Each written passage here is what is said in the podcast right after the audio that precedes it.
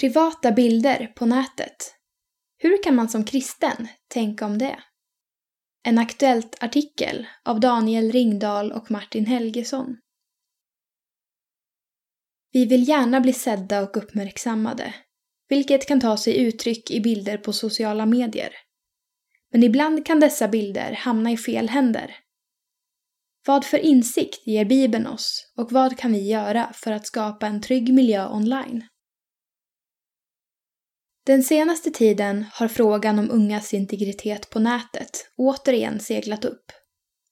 Flera fall av intima bilder som delats och sålts vidare utan samtycke från den som syns på bilderna har uppmärksammats. Vi har blivit så vana vid att översvämmas av bilder att vi kan glömma bort att personen på bilden har en egen vilja. Vilja bli sedd. Att vara sedd och älskad är vår allra mest grundläggande längtan. Att bli sedd är att få bekräftelse på att man är verklig och värdefull. Men eftersom vi är personer och inte bara objekt i största allmänhet behöver vi själva få avgöra vem som kan se vad. Likt Gud har vi rätten att dölja eller visa oss på våra egna villkor. Det är här ordet integritet kommer in. Integritet betyder rätten att sätta gränser mot intrång och insyn. När den rätten tas ifrån oss kan andras blickar bli vapen som vänds mot oss. Baksidan av vår längtan efter bekräftelse är rädslan att bli känd men avvisad, sedd men föraktad.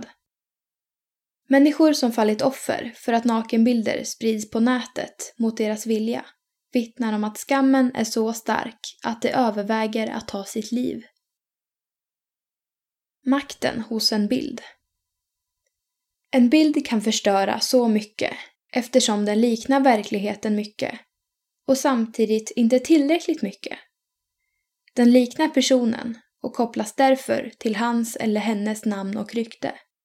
Men den beskriver bara ett ögonblick och berättar inget om personens bakgrund och karaktär.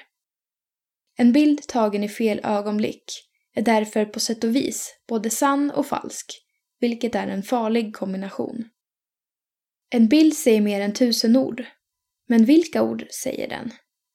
Det är väldigt öppet för tittarens tolkning och personen på bilden tappar kontrollen över sin egen berättelse och integritet när bilden sprids vidare. Miljontals kopior Digital information kan kopieras och spridas nästan ändlöst.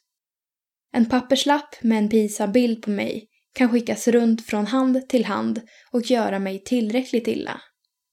Men digitala bilder kan oerhört snabbt skickas var som helst, kopieras, säljas, manipuleras och lagras på servrar var som helst i världen. Det är en skrämmande tanke och den bör få oss att vara försiktiga med vad vi låter fångas av våra egna och vänners kameror. Guds upprättande blick Bibeln talar ofta om Gud som ser. Ibland är Guds blick ett problem för oss, som när Adam och Eva gömde sig både för varandra och för Gud för att deras nakenhet inte skulle synas. Men att Gud ser oss är också en möjlighet till befrielse från skam och till upprättelse. Gud gjorde kläder till Adam och Eva för att täcka över deras skam. Jesus blick är inte som andras. När andra bara såg syndare såg Jesus människor.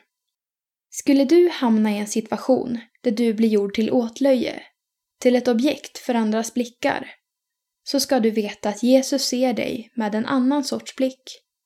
Han känner och älskar dig och behandlar dig aldrig utifrån hur andra ser på dig. Gud känner ditt lidande. För varje gång en människa trampas i smutsen är det just Guds egen avbild som det trampas på. Och Jesus valde att själv möta det lidandet för att frälsa oss. Respektfull medieanvändning Digitala medier ställer oss inför svåra utmaningar. Om vi ska använda dem behöver vi använda dem med vishet. Det betyder att vi behöver tänka ett steg längre. Vem tar jag bilder på? Och hur delar jag dem? Respekterar jag andras integritet och frågar om jag får dela dem? Respekterar jag min egen integritet? Kom ihåg att också personer som vill oss väl kan vara slarviga eller råka dela fel bild med fel person. Varken ta eller skicka bilder på dig själv eller någon annan som du inte vill ska hamna i fel händer. Om du får bilder skickade till dig, ställ frågor. Vem är det här? Har den personen gett dig tillstånd att ha och skicka den här bilden? Prata med föräldrar eller skolpersonal. Det går att begränsa skadan och minimera spridning. Personen på bilden är just det, en person. Det är inte rätt att förminska någon till ett objekt för blickar och begär. Det skadar den avbildades namn och rykte, men också betraktaren som vänjer sig vid att behandla andra som objekt, att kontrollera, titta på och fantisera om, snarare än personer att respektera, lyssna på och älska. Så istället för att bara se bilden, se människan.